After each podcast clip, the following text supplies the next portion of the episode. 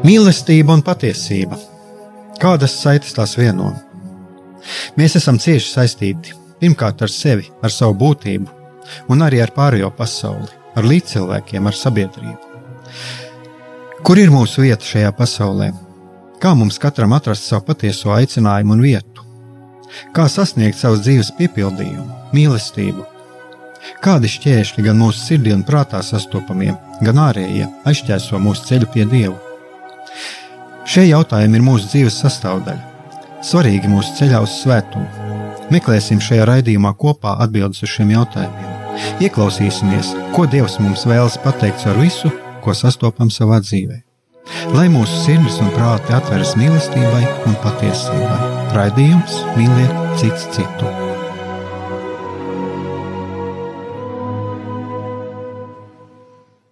Lai top slavēts Jēzus Kristus, esiet sveicināti, darbie radioklausītāji. Šis ir raidījums Mīliet citu citu.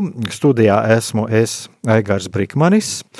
Uh, un Jānis Jākopsons uh, šodien ar mums uh, runās ne no studijas. Tātad tā nu sanāca, ka Jānis Jākopsons šodien netiek, bet eh, mēs sazinājāmies telefoniski un ceru, ka, ka mums eh, kaut kas izdosies. Tā, Jāni, tu dzirdi mūs? Halo? Dzirdat? Aha, tu dzirdi? Dzirdu, dzirdu. Aha, skaidrs. Eh, tā, tā tad mazliet tāds neierasts, neierasts pasākums, lai gan jau ir mums bijis tikai cit, ka zinu, es atceros, kad kaut kāda, kad sākās laikā mūsu sezonas pirmais rādījums, tad es nebiju klātesošs. Bet eh, tātad mēs ar Jāni atkal eh, šodien turpinām jau iesākto tēmātu. Tātad mēs runājam par kādu grāmatu, kuru ir izdevis iezuītu priesteris Pols Lebo.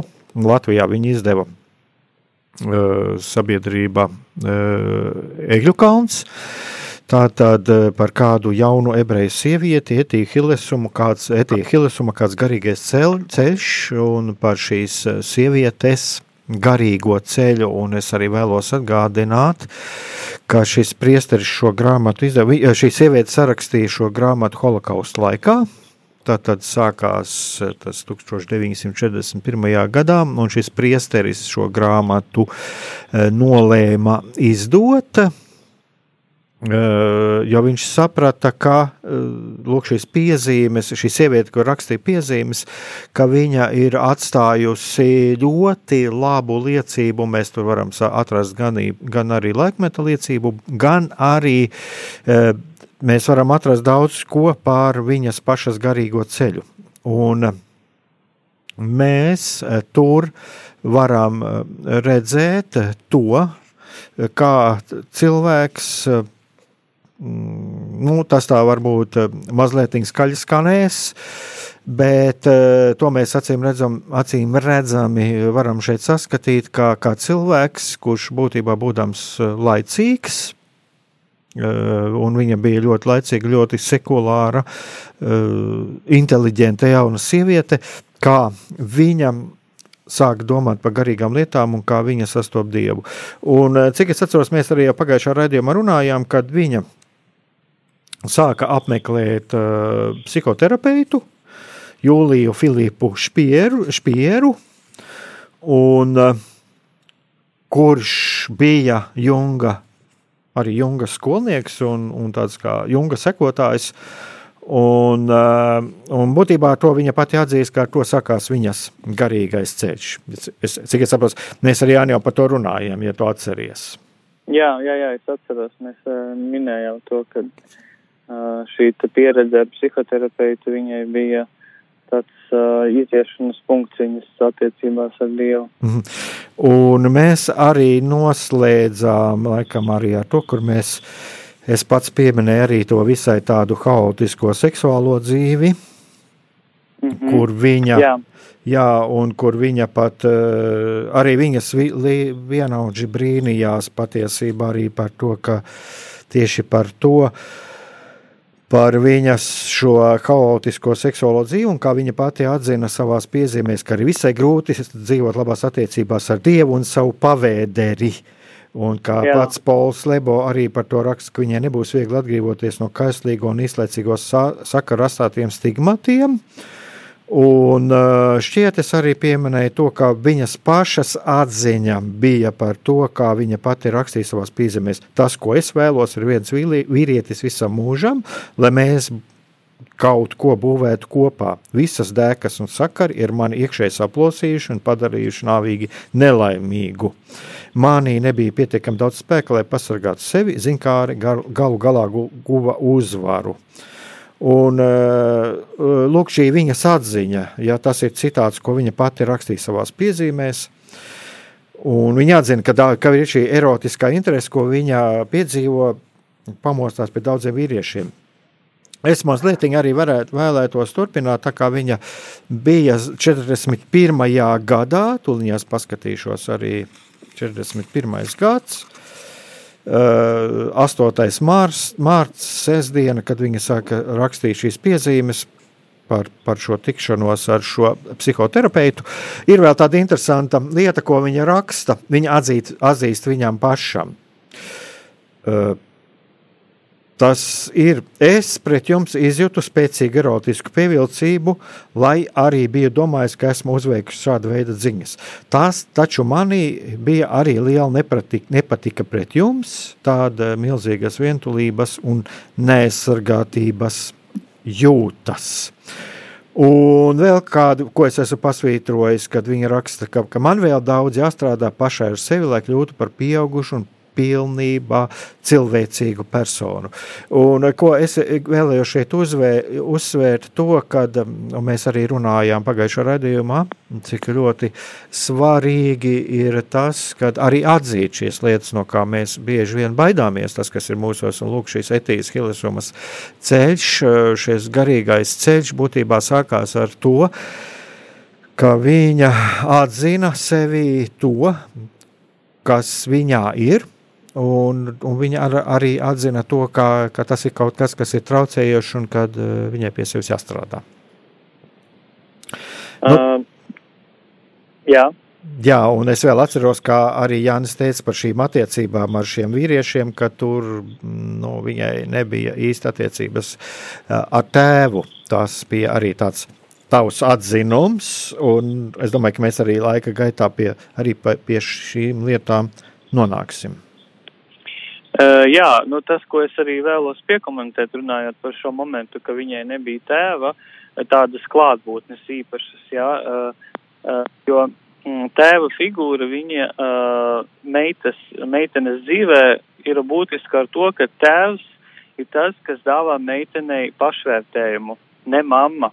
Jā, tēvs ir tas, kas rūpējas par meitenes pašvērtējumu. Un uh, par to, lai viņa uh, justos tātad droši kā sieviete, lai viņa sevi vērtētu uh, cienīgi, un uh, tēvs dod arī savai meitai kaut kādu izpratni par viņas seksualitāti, respektīvi, ka uh, meita viņa ir sieviete, ka sievietes patīk vīriešiem, un ka pienāks brīdis, kad viņas dzīvē uh, sāks atraisīties šīs te seksuālās ziņas, jā, un viņai ir jāsaprot, ko nozīmē tas, kad viņai sāks parādīties tur mēnešu reizes, ko nozīmē tas, kad viņai sāks patikt uh, pretējais dzimums, ko nozīmē tad, kad uh, viņa iemīlēsies. Dā, jā. Un ja tēvs šo funkciju neizpilda attiecībā pret savu meitu, tad uh, šai meitai viņai ir tāds emocionāls uh, tāds caurums, jā, un tad tādā caurumā vienkārši krīt iekšā viss, kas pa ceļam trāpas. Ja, un mēs zinām, ka daudzi cilvēki, viņi, uh, esot attiecībās, viņi nenormāli cieš. Sākumā varbūt nē, jo sākumā ir tas iemīlēšanās vilinājums, uh, bet vēlāk viņi cieš, jo viņi ienāk šajās attiecībās ar savām emocionālajām traumām. Un uh, pretējais uh, partneris viņš nespēja šīs traumas dziedināt. Un tad cilvēkam ir uh, vēl vairāk visādi ievainojumi un sāpes. Tāpēc es domāju, tas, ar ko viņi sastapās šajās attiecībās, parāda vien to, ka šī tēva funkcija viņa nebija izpildīta tā, kā viņai būtu jābūt, un tas, protams, atstāja savas sekas. Mhm. Un te jau var arī, es domāju, ka šeit var arī piebilst to, ka tas nebūtu nenozīmē vienmēr tieši ar šiem vecākajiem vīriešiem, jo tur ir arī tās etijas kilisums, piemērā, ka tur ir arī viņas vienaudži, un eh, ka bieži vien arī šajās vienaudžu attiecībās patiesībā cenšas saņemt to, kas nav bijis saņemts no tēva. Jā, jā, protams. Ja, tā kā to nevar uh, tikai tā vērst uz to pusi. Un, un tā, es domāju, ka arī šeit, ja kādreiz cilvēkam arī šajā jomā viņam ir šīs haotiskās attiecības, viņš nespēja apstāties, eh, vai arī laulībā ir problēmas. Tad uh, arī ļoti vērts ir paskatīties atpakaļ, kādas ir bijušas šīs attiecības ģimenē, un, un, un varbūt tur šo pagātnes pagātnes traumu risināt. Jā, es arī piebildīšu vēl kādu momentu, ka uh, uh ir ļoti būtiski um, būt uzmanīgiem tanī brīdī, konkrēti es runāju par sievietēm, ja pieņemsim sievieti ir uzaugusi uh, tādā ģimenē, kur tēvs ir bijis uh, atkarīgs no kādas vielas, jā, nu, klasiski tas ir alkohols, un tēvs ir bijis agresīvs, jā. Uh, Uh, tas nozīmē, ka uh, visticamāk tādā ģimenes modelī, kur tēvs ir uh, atkarīgs un kur viņš ir agresīvs, uh, ka mamma uh, viņa būs līdzatkarīga šai, šajā ģimenes struktūrā.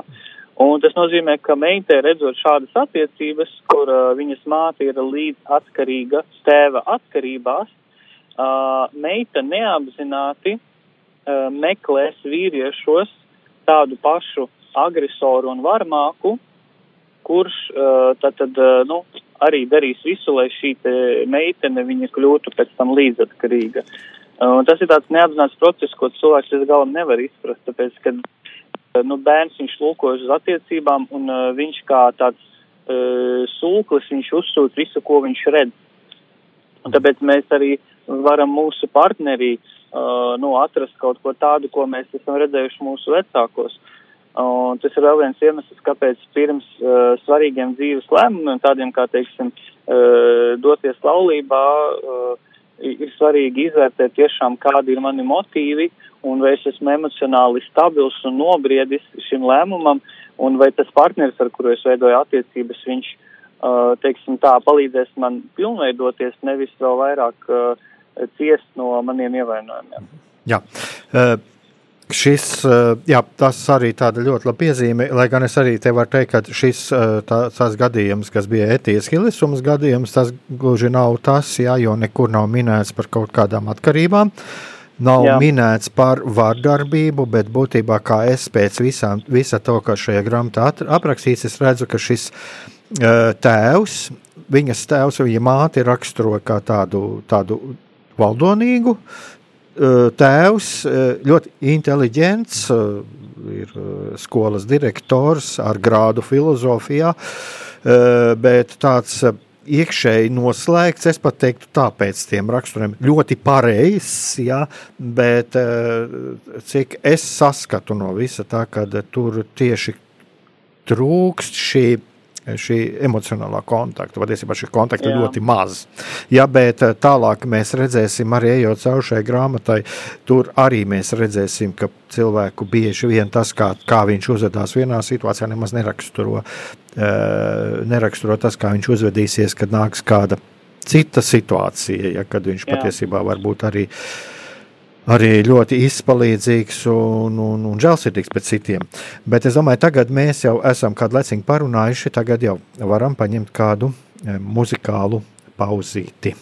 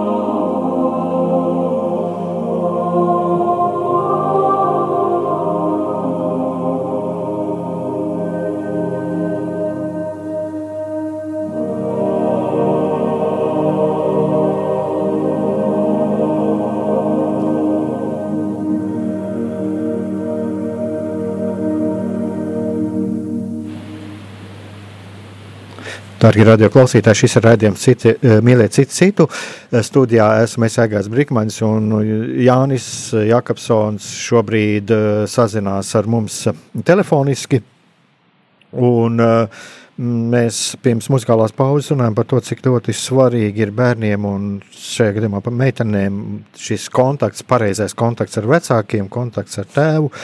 Un, uh, es vēlos tagad arī par šo etijas hilisumus piemēru uh, mazliet jau iet tālāk. Jā, ko, kas, ko ir aprakstījis šeit uh, priesteris Pols Lebo un, un, un, un ko ir rakstījusi viņa pati, un ko uh, raksta priesteris Pols Lebo, viņš raksta tā, lūk, šeit citāts. Ir acīm redzami, ka 27 gadus vecā sieviete, kas tika uzrakstījusi šo vēstuli, tas ir tā vēstule, kur viņa atzīst uh, savam psihoterapeitam, kādas ir viņas uh, viņas izjūtas iekšēji un, un atzīstās arī to, ka viņai ļoti daudz ir jāstrādā pie sevis. Un kā viņa tātad viņa, viņa tā, tā, tā, tā, tā par šo vēstuli, ja viņa uzstīk šo vēstuli, ja, un ka viņa nojauš, ka tikšanās ar šo 20 uh, gadus vecāku vīrieti dziļi ietekmēs viņas dzīvi. Tas ir citāts no priestera Pola Lebo. Uh, Un tālāk, ko viņš raksta, Etija nevilcināsies to pārbaudīt, tas rada viņā atbildīgumu un nevien pašai pret sevi, bet arī pret citiem, un liek pirmo reizi ķerties pie dienas grāmatas rakstīšanās, lai ikdienas stātos aci pret aci ar to, ko turpmāk būs lemts piedzīvot, un sākumā tas nenākas viegli. Kāpēc, manuprāt, tas ir ļoti svarīgi mūsu garīgajā ceļā? Es, ja mēs tā katrs atcerēsimies savu dzīvi, tad mēs varam atskatīties, eh, kā ir bijis tad, kad mēs eh, dzīvojam, bet nepiefiksējam to, ko mēs izjūtam, ko mēs piedzīvojam. Un, eh, kā ir tad, ja mēs piefiksējam? Jo viena no lietām, kas Es domāju, ka katrs, kas ir pierakstījis kaut kādas savas izjūtas, vienalga, ko mēs pierakstam, e, tas e, mēs to tā kā dubultā pārdzīvojam. Un tas nosēžas arī mūsos. Plus vēl tas, ka mums ir iespēja pavērt vaļā savus ierakstus un paskatīties, izvērtēt, kā mums ir gājis šodien, kā mums ir gājis agrāk. Un es domāju, tas ir ļoti būtiski. Jo tad, kad mēs izliekam kaut ko uz papīra, mums ir jākoncentrējās tieši uz to lietu, kuru mēs eh, vēlamies, eh, vēlamies izlikt. Un bieži vien es, piemēram, pats no savas pieredzes zinu, tajā brīdī, kad es esmu piesēdies, piesēdies un sāku rakstīt, sāku iedziļināties, ja man ir jākoncentrējas uz to lietu, lai to, kas ir manī, lai es pārvērstu šajās rakstu zīmēs man ir gribot, negribot jāiedzi, jāiedziļinās, un bieži vien ir tā, ka uh, tieši rakstot, es atklāju daudz vairāk nekā to es būtu darījis bez tādas pierakstīšanas. Protams, mēs varam pārdot, pārdomāt, un mums daudz kas atklājās, jā, vai teiksim, arī sarunā ar otru cilvēku. Jā. Bet šķiet, ka tas ir ļoti svarīgi, jo, jo tajā brīdī, kad mēs rakstām, mums jānoformulē savu domu. Mēs gribot, negribot ieiesim dziļāk, un mēs veidosim kaut kādu šo uh, loģisko, loģiski centīsimies formulēt savu domu, mēs labāk sapratīsim. Nu tā, tas ir tas, kas man ienāca tāda lieta, ja kāpēc es arī šeit no šīs grāmatas to pasvītroju. Nu, lūk tā. Jā. Tu, Jānis Sirtes ir vēl ēterā vai nav? Halo? Halo, halo. Jā, tu dzirdi?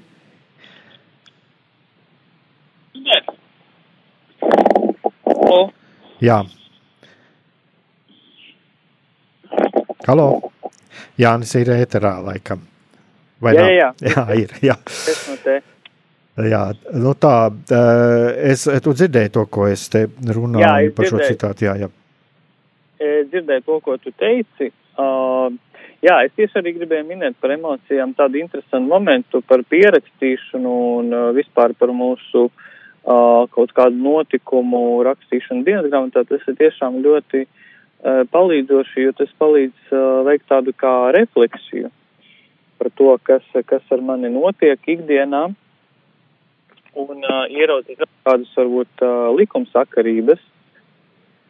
Un uh, kas vēl ir interesants moments, ka uh, ir svarīgi pievērst uzmanību uh, tam, kādas ir mūsu emocijas dažādās dzīves situācijās, jo mm, cik tas paradoxāli neizklausītos, bet tas, ko mēs varbūt bieži vien nepamanam, ka emocijas viņas spēj mūs uh, nokaut, ja tā var teikt, jā. Emocijas mums spēj darīt pāri. Teiksim, ja mēs esam ilglaicīgi uh, negatīvu emo emociju iespaidā, uh, tad skaidrs, ka mums būs liekas garstāvoklis, mums var sāk sāpēt galva vai pacelties spiediens, uh, viss kas, jā. Un tāpat laikā emocijas, viņas var mūs dziedināt. Uh, ja mēs uh, piedzīvojam kādus pozitīvus brīžus, ja mēs mēdzam um, grūtas situācijas pārvarēt, ja mēs vispār esam noskaņoti pozitīvi, tad e, pozitīvas emocijas viņus, viņus mūs dziedina. Un, manuprāt, tas ir tas, ko daudzi, daudzi tā līdz galam neapzinās, ka emocijām ir ļoti liela vara un ļoti liels spēks. Un, um, jā, ja mēs spējam uh, pierakstīt mūsu emocijas kaut vai tādā pašā kladē, uh, kā es šodien jutos, kāpēc, uh, ko es izjūtu tādā un tādā brīdī, ko es jūtu attiecībā pret Dievu konkrētos brīžos, uh, ko es vispār jūtu pret Dievu un uh, pret savu lūkšanas dzīvi, tas var būt tiešām ļoti dziedinoši un palīdzoši.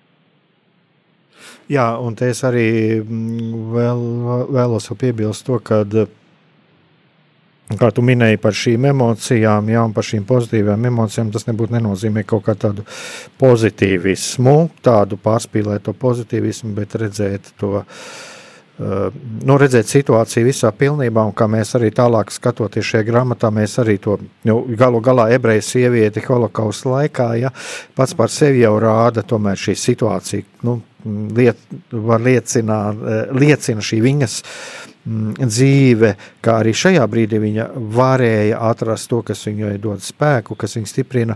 Bet eh, es negribu tik daudz uzsvērt, un to arī šis priesteris, tāpēc viņš šo grāmatu ir izdevis, ka būtībā viņš eh, tajā laikā, kad viņš to izdeva, kad viņš sakopoja šo, šo dienas grāmatu, viņš jau būtībā domāja jauniem cilvēkiem. Un es domāju, ka tas der visiem cilvēkiem, tas piemērs, kā, kā tu teici, ieraudzīt šo um, šīs emocijas, šīs pozitīvās emocijas. Es domāju, un šeit ir ļoti svarīgi, kas svarīgi ir tas paskatīties, kurā brīdī man bija šīs pozitīvās emocijas. Un, uh, kas viņas ir izraisījis. Un iespējams, ka mēs varam būt kaut kādā ziņā šo emociju saimnieki. Pieņemsim, ir kaut kāda lieta, kas man patiešām, es vienmēr tā saku, morāli pieņemama laba lieta, jā, kas man dod prieku. Un tajā brīdī, kad kad es jūtu kaut kādu nomātī, nomāktību, jūtos bēdīgs kaut kādā sliktas izjūtas, es varu vienkārši atgriezties pie tā, kas man dod prieku, kaut iziet ārā pastaigāt. Palasīt kaut ko labu. Ja es, piemēram, no sevis saku, ja mēs sakām, iziet kaut kur pastaigāt, izrauties no šīs vides. Bet es domāju, ka mums katram ir kaut kas, vairāk vai mazāk, ir pie rokas. Ja lielākajā daļā gadījumu. Kad mēs varam šādā veidā, es nerunāju par kaut kādām citām, nu, teiksim, te, kad es esmu saslims vai kas, ja, bet ka tiešām man ir šī e, psiholoģiskā un fiziskā rīcības spēja, ka mēs varam katrs atrast kaut ko, e, ar ko šo savu tukšumu iekšā piepildīt. Eh, šeit es gan es domāju, ka tu arī man piekritīsi, šeit tas neatiecās, teiksim, nu, ja teiksim, cilvēkam ir gadījumā ir depresija, ja, ka viņš ir tādā situācijā, ka viņš to nevar, ja, bet šeit ir šī runa, ka viņš tiešām ir spējīgs uh, rīkoties. Jā. Jā, e, es tev piekrītu. Tas ir ļoti labs kognitīvs treniņš, kad mēs spējam no uh, viena dominanta respektīvi no trauksmes, jā, vai no kaut kādām skumjām pārslēgties uz citu, jo prāts vienlaicīgi nevar būt priecīgs un skums. Viņš vai nu skums, vai nu priecājas. Un ja mēs jūtam, ka mums ir skumīgi, tad mēs varam atcerēties tieši tā, kā teici, to, kas mums ir devis kaut kādu pozitīvu sajūtu, kas mūs iedvesmo, mēs varam pie tā vienmēr atgriezties un tādā veidā pārslēdzot savu uzmanību arī iziet ārā no šī tā, tāda, nu, varbūt nomākta vai drūma stāvokļa. Un kas attiecās par depresiju, tad, protams, šādā depresijas gadījumā, nu, tāds treniņš varbūt īsti mm, nekuram katram der, jo uh, tīri elementāri cilvēks, viņš tāpat kā mašīna bez uh, degvielas, tāpat arī cilvēks depresijā, viņš vienkārši mentāli nespēja veikt tās funkcijas, jo viņam ir uh, izjucis uh, neirobioloģisks ritms smadzenēs, viņam ir izjauktas visi, visi hormoni, uh, un pavisam cits stāsts, tur vajag medikamentozu palīdzību bieži vien, un arī tad attiecīgi psihoterapeitu palīdzību. Es domāju, tagad mēs atkal varam paņemt kādu muzikālu pauzīti, un tad varēsim arī turpināt.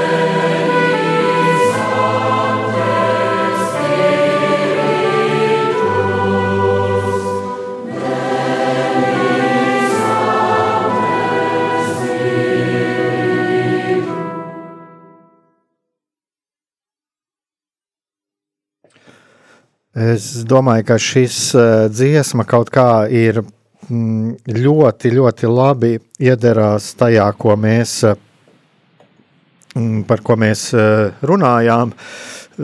Tieši svēto garu saukt palīgā, lai, lai mums palīdz šajās grūtajās situācijās. Mm, kā tu domā, Jāni?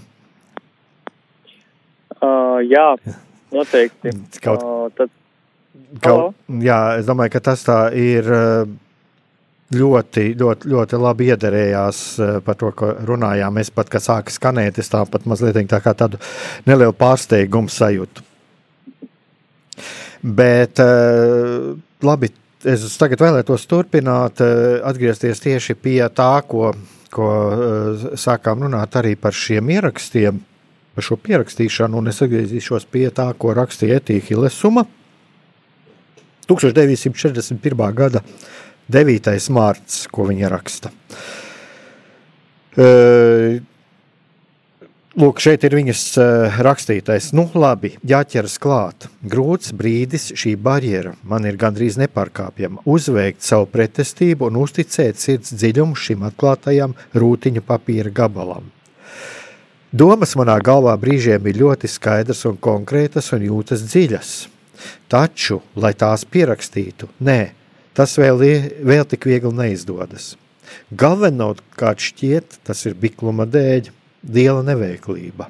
Es neuzdrošinos sevi atdot, brīvi izteikt savas jūtas, un tomēr tas būs vajadzīgs, ja ar laiku vēlos kaut ko sasniegt savā dzīvē, ievirzīt to sliedēs, kas mani apmierina. Es domāju, ka tas ir ļoti svarīgi, tas, ko viņi ir atzinusi. Ja, jo, ja viņa atzīst to, pirmkārt, viņa atzīst, ka jā, viņa redz, ka nav viegli, nav viegli uzrakstīt savas izjūtas, savas domas Un es neudro, neuzdrošinos sevi atdot, brīvi izteikt savas jūtas. Es domāju, ka šeit arī mēs varam pamanīt tādu lietu, kad ir mums bieži vien ir ļoti grūti atzīt pašiem sevi kaut ko. Bet, ko Etija Hilesuma pati raksta tālāk, bet tas būs vajadzīgs. Ja ar laiku vēlos kaut ko sasniegt savā dzīvē un ievirzēt tos sliedēs, kas mani apmierinātu. Un eh, tālākais, ko viņa raksta, eh, un es domāju, ka tas ir arī tas, uz ko mēs kādreiz iekrītam, mēs iekrītam uz tādu ļoti labu lietu. Patiesībā mēs iekrītam eh, uz intelektuālajām spējām, uz zināšanām un uz pozitīvām lietām, uz zinātnē, vēlēšanos izzināt, izvērtēt. Bet mēs paliekam tikai pie tā, Bieži vien. Un, un es domāju, ka mēs arī, ja mēs eh, runājam par savu garīgo dzīvi, tad mēs arī palikt varam iekrist tādā intelektuālā prāta analīzē, kur mēs nesaklausām sevi iekšā tās visas tās izjūtas un to, caur ko mūsos var runāt Dievs. Un es atkal vēlos šeit tādu eh, citātu no Etijas Hilusumas rakstītā, ko viņa raksta – Esmu saņēmusi pietiekami daudz intelektuālu dāvanu, lai spētu visu izpētīt un izvērtēt un izteikt skaidros vārdos.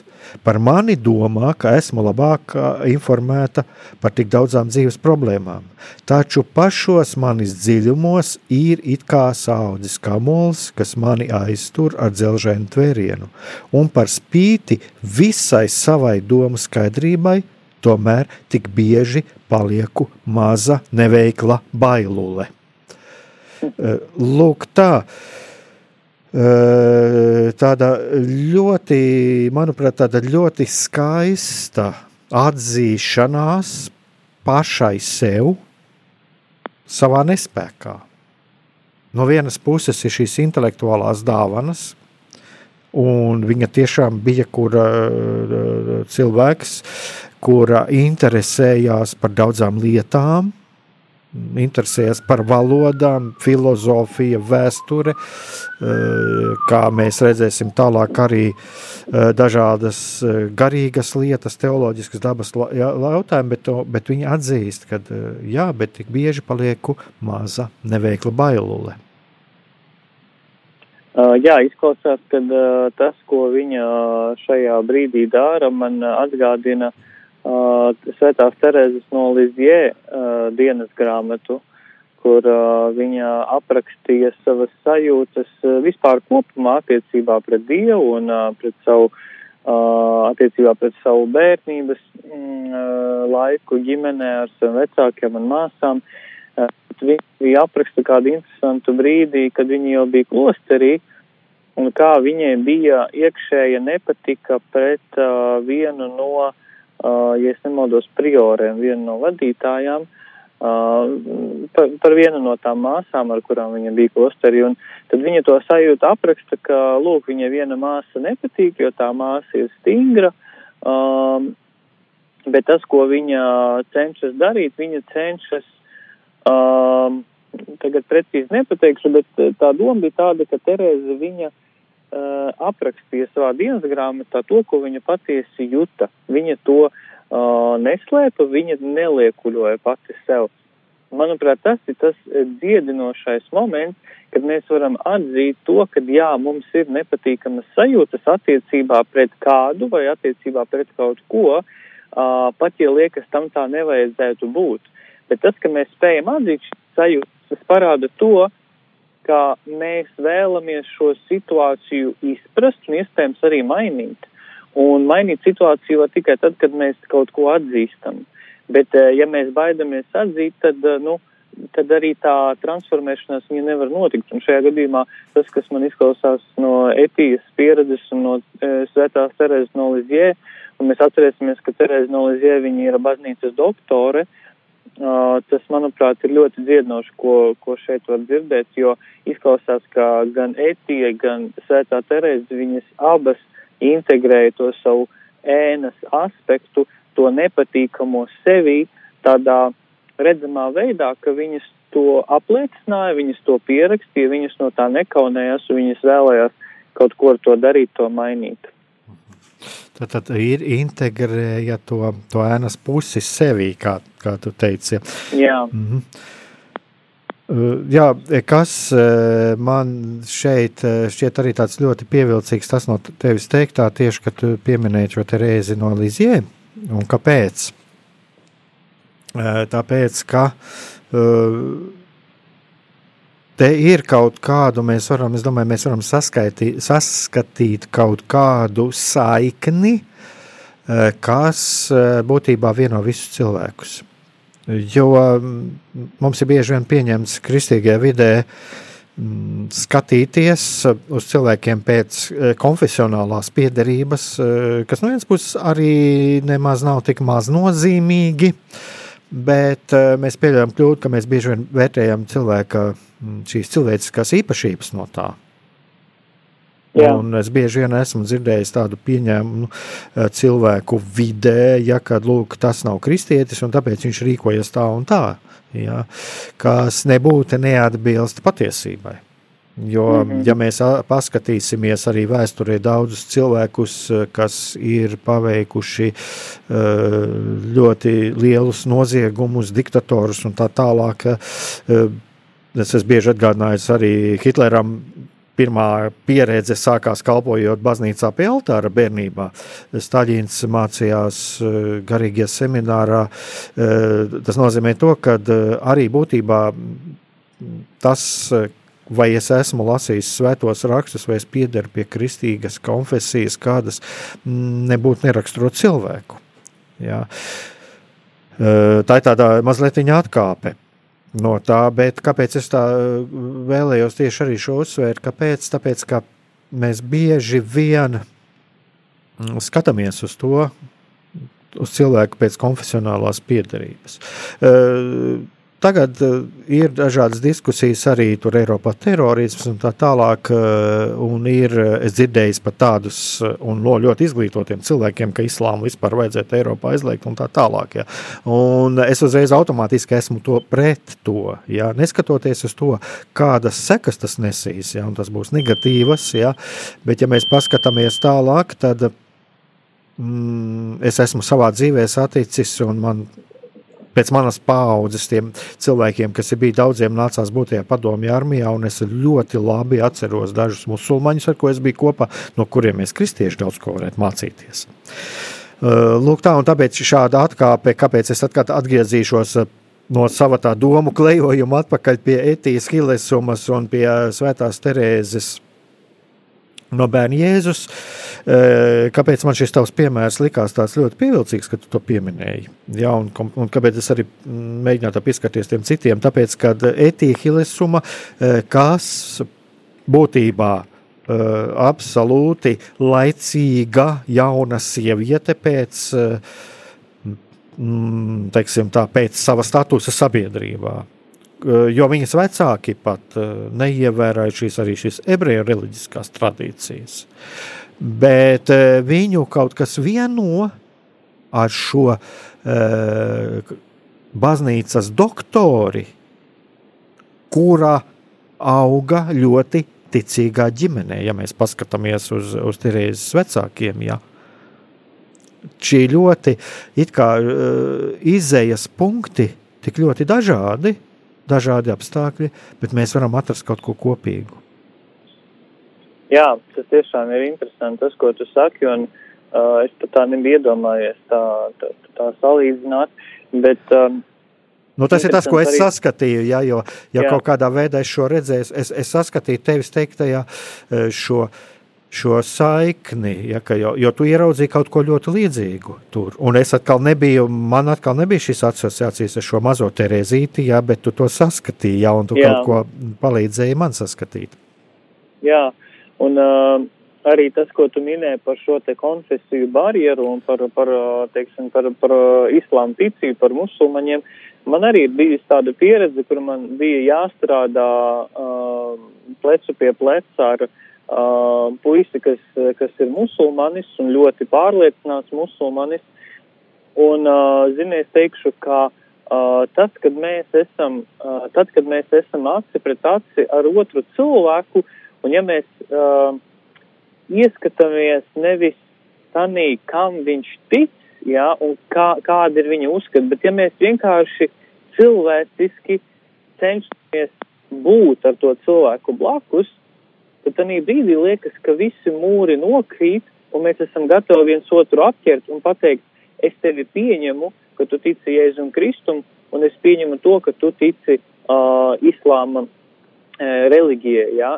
Ka tādā brīdī, kad mēs tā kā varbūt drusku cenšamies iziet ārpus šiem te uh, tādiem mūsu kaut kādiem rāmjiem, ka mēs cenšamies ieraudzīt otrā cilvēkā pirmkārt cilvēku, dieva radītu, un ka viņam arī ir tiesības ticēt kaut kam citam, tad uh, pavērās šī mīlestības gaisotne. Un tā arī ir bijusi mana pieredze, ka es ar uh, šo te uh, musulmaņu puisi, mēs kopā strādājām, mums bija brīnišķīgas sarunas, un es redzēju to, cik ļoti viņš uh, mīl Dievu, jā, pēc viņa izpratnes, un ka viņš paļaujās uz Dievu, un ka uh, viņš tic, ka viss, kas ar viņu viņa dzīvē notiek, ir uh, tā kā Dieva pirksts, jā, un tas bija tiešām ļoti, nu tā, iespējīgi redzēt, cik ļoti cilvēks ir nodevies tam, kam viņš tic.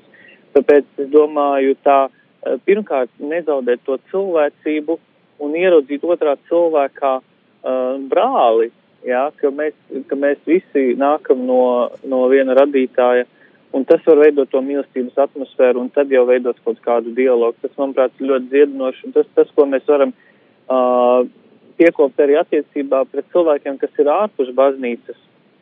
Ieraudzīt viņos nevis neticīgos, nevis ateistus, bet ieraudzīt cilvēku vispirms. Ka šis cilvēks, viņš tāpat ir Dieva radīts, viņš ir Dieva gribēts, un Dievam ir uz viņu nodoms. Un Dievs vienalga ir klātesošs šī cilvēka dzīvē, pat ja to cilvēks neapzinās.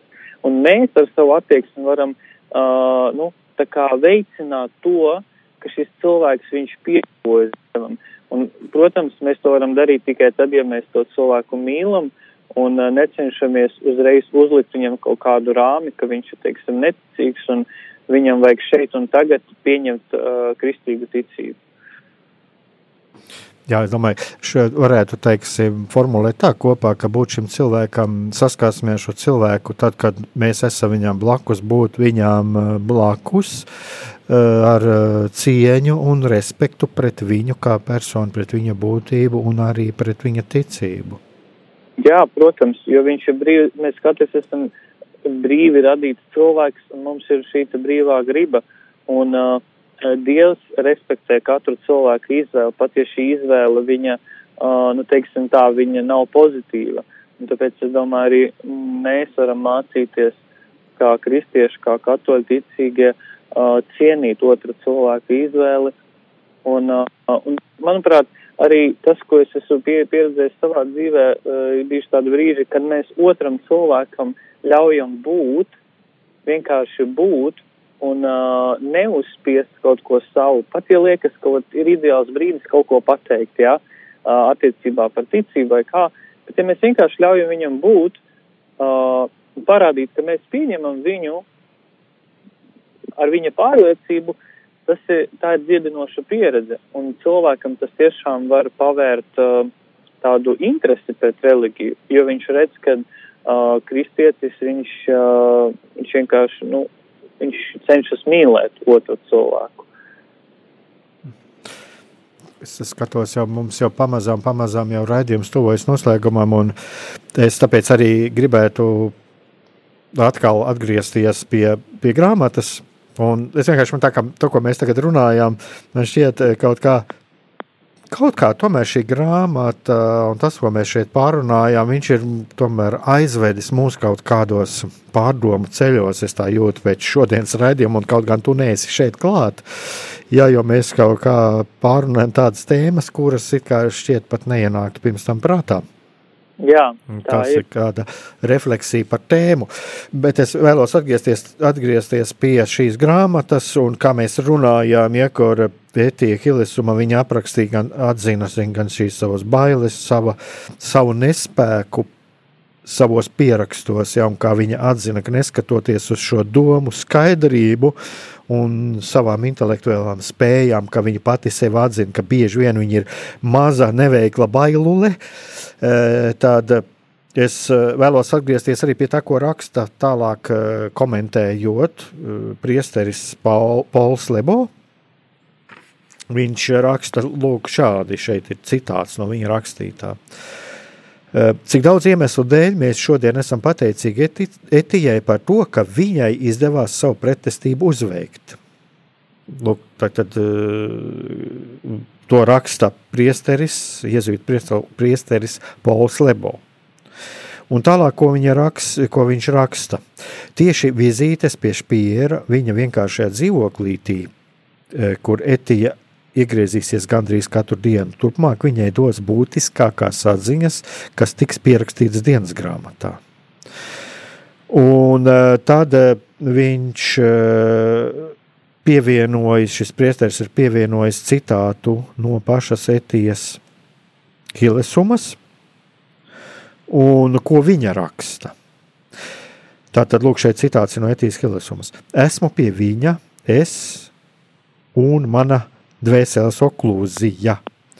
Viņš gatavojās no jauna ieviest kārtību šajā haosā, manī pats virzot tos pretrunīgos spēkus, kas manī darbojas. Viņš mani it kā ņēma aiz rokas, sakot, lūk, tā ir jādzīvo. Visu savu dzīvi esmu to vēlējusies, kaut kāds nāktu, ņemtu mani aiz rokas un sāktu par mani rūpēties. Ļoti interesanti tieši tas, ka viņa raksta, ka visu savu, viņa ir raksta to, ka visu savu dzīvi esmu vēl, to vēlējusies, lai kāds nāktu, ņemtu mani pie rokas, rokas un sāktu par mani rūpēties. Un man šķiet, ka šeit kaut kur netieši parādās arī tā viņas ilgošanās, ko mēs runājām arī par to kontaktu trūkumu ar tēvu. Mm -hmm. Jā. Jā. Un tālāk, ko viņa pati raksta, lūk, šeit man ir citāts no Etijas Hilesums. Man ir enerģisks izskats, paļaujos vienīgi pati uz sevi, taču patiesībā es būtu ārkārtīgi laimīga ļaut sevi vadīt. Mm -hmm. Jā, to viņa eh, pati pati raksta, un tā tālāk ir, ko viņa raksta. Un lūk, šis lieliskais svešnie, svešinieks, šis eškungs, šis vīrietis ar sarežģītiem vaipstiem ir sācis par mani rūpēties, un tikai nedēļas laikā viņš jau ir paveicis brīnumus. Es domāju, ka šeit arī mēs varētu, nu, šeit, ko mēs varam izsecēt, tas ir tāds, nu, teiksim, subjektīvs iedziens no tā, ko, ko es šeit izlasu, ja. Uh, Bet katrā ziņā es kaut kā tā sajūtu, ka eh, viņa, jā, ka viņa saņem kaut ko to, ko viņa būtībā ir jutusies visu laiku, mm, nav bijusi saņemta. Saņēm, bijusi saņēmusi. Un eh, ko viņa tālāk vēl lāk, es tev, es tev vēl izlasīšu tālāk. Fiskultūra, elpošanas vingrinājumi, daži spoži atbrīvojoši vārdi par manu depresiju, par attiecībām ar citiem UTT. Piepeši man ir gluži citāda dzīve, brīvāka, plūstošāka, ir zudusi sevi ieraušanās sajūta, mazliet miera un kārtības tagad valda manī. Šobrīd par visu uzlabošanos jāpateic svinīgi viņa maģiskajai personībai, taču jau drīz tā nostiprināsies manā psihē un kļūs par apzinātu aktu. Lūk, Jā, tā šeit citāta beigas. Jā, izklausās tiešām uh, tas, ko tu saki, tikko nolasīja, ka tas tāds uh, uh, jau parāda viņas uh, briedumu un i, tādu lielu izaugsmi, kas viņā ir notikusi, jo uh, daudz ko viņa izklausās jau ir apzinājusies uz to brīdi un tā ļoti, ļoti kodolīgi noformulēt. Tā kā, jā, tā pieredze arī, ko tu aprakstīji, ka tas, cik es sapratu, psihoterapeits, viņu ņem, ņēma pie rokas simboliski, jā, un palīdzēja viņu vadīt. Tā arī tā pieredze, kas mums bieži vien ir vajadzīga, ka mums ir nepieciešams cilvēks, kas mūs var pieņemt, kas mūs var uzklausīt, un kuram mēs varam padalīties mūsu bēdās. Tas tiešām ļoti svarīgi, jo uh, Uh, viens no iemesliem, kādēļ uh, cilvēkiem rodas psihiskie traucējumi, tas ir tieši tādēļ, ka cilvēki patur uh, daudz ko sevī. Un nav šī cilvēka, kuram var padalīties savā uh, nespējā, savās bēdās. Un, un tad tā, tās emocijas negatīvās viņas sakrājās un, un uh, rada psihiskus traucējumus. Tā kā um, tas ir ļoti labi, ja mums ir kāds cilvēks, ar kuru mēs varam padalīties. Tam nav obligāti jābūt uzreiz psihologam. Protams, ja ir nopietnākas problēmas, tad, tad var meklēt palīdzību, bet uh, jā, tā atbalsta persona, draugs, tas ir ļoti labi. Es domāju, ka arī tāda arī to mēs šodien mūsu raidījumu varam noslēgt, jo nu, jau ir pienācis tiešām laiks noslēgt mūsu raidījumu. Un, un uh, nākamajā reizē, kā, kā nu, būs lemts, vai mēs tiksimies šeit studijā vai kā, Bet es domāju, ka mēs turpināsim. Ja Dievs būs lēmis, tad uh, jau pēc nedēļas. Un uh, turpināsim. Jo man šķiet, ka mūsu šīs, šī saruna par šo grāmatu arī kaut kādā veidā ievēda ļoti, ļoti tādās mm, interesantās, interesantos ceļos. Jā, mm, tā ļoti mums sanāk dinamiski tiešām. Uh, es nemaz tik ļoti ne šo sievieti, ne šo grāmatu pazīstu, bet tiešām jūtu, ka, paldies Dievam, ir interesanti. Jā, nu tad līdz nākamajai nedēļai, un uh, lai mūs Dievs uh, dod spēku šajā situācijā, dod stiprinājumu, un lai svētais gars mūs parāda uh, šajā mūsu laikā parāda, kur ir mums šis ejamais ceļš un kur mēs varam iegūt iepriecinājumu un stiprinājumu neatkarīgi no tā, kādā situācijā mēs katrs atro, atrodamies. Jā, lai jums jauka nedēļa klausītāji!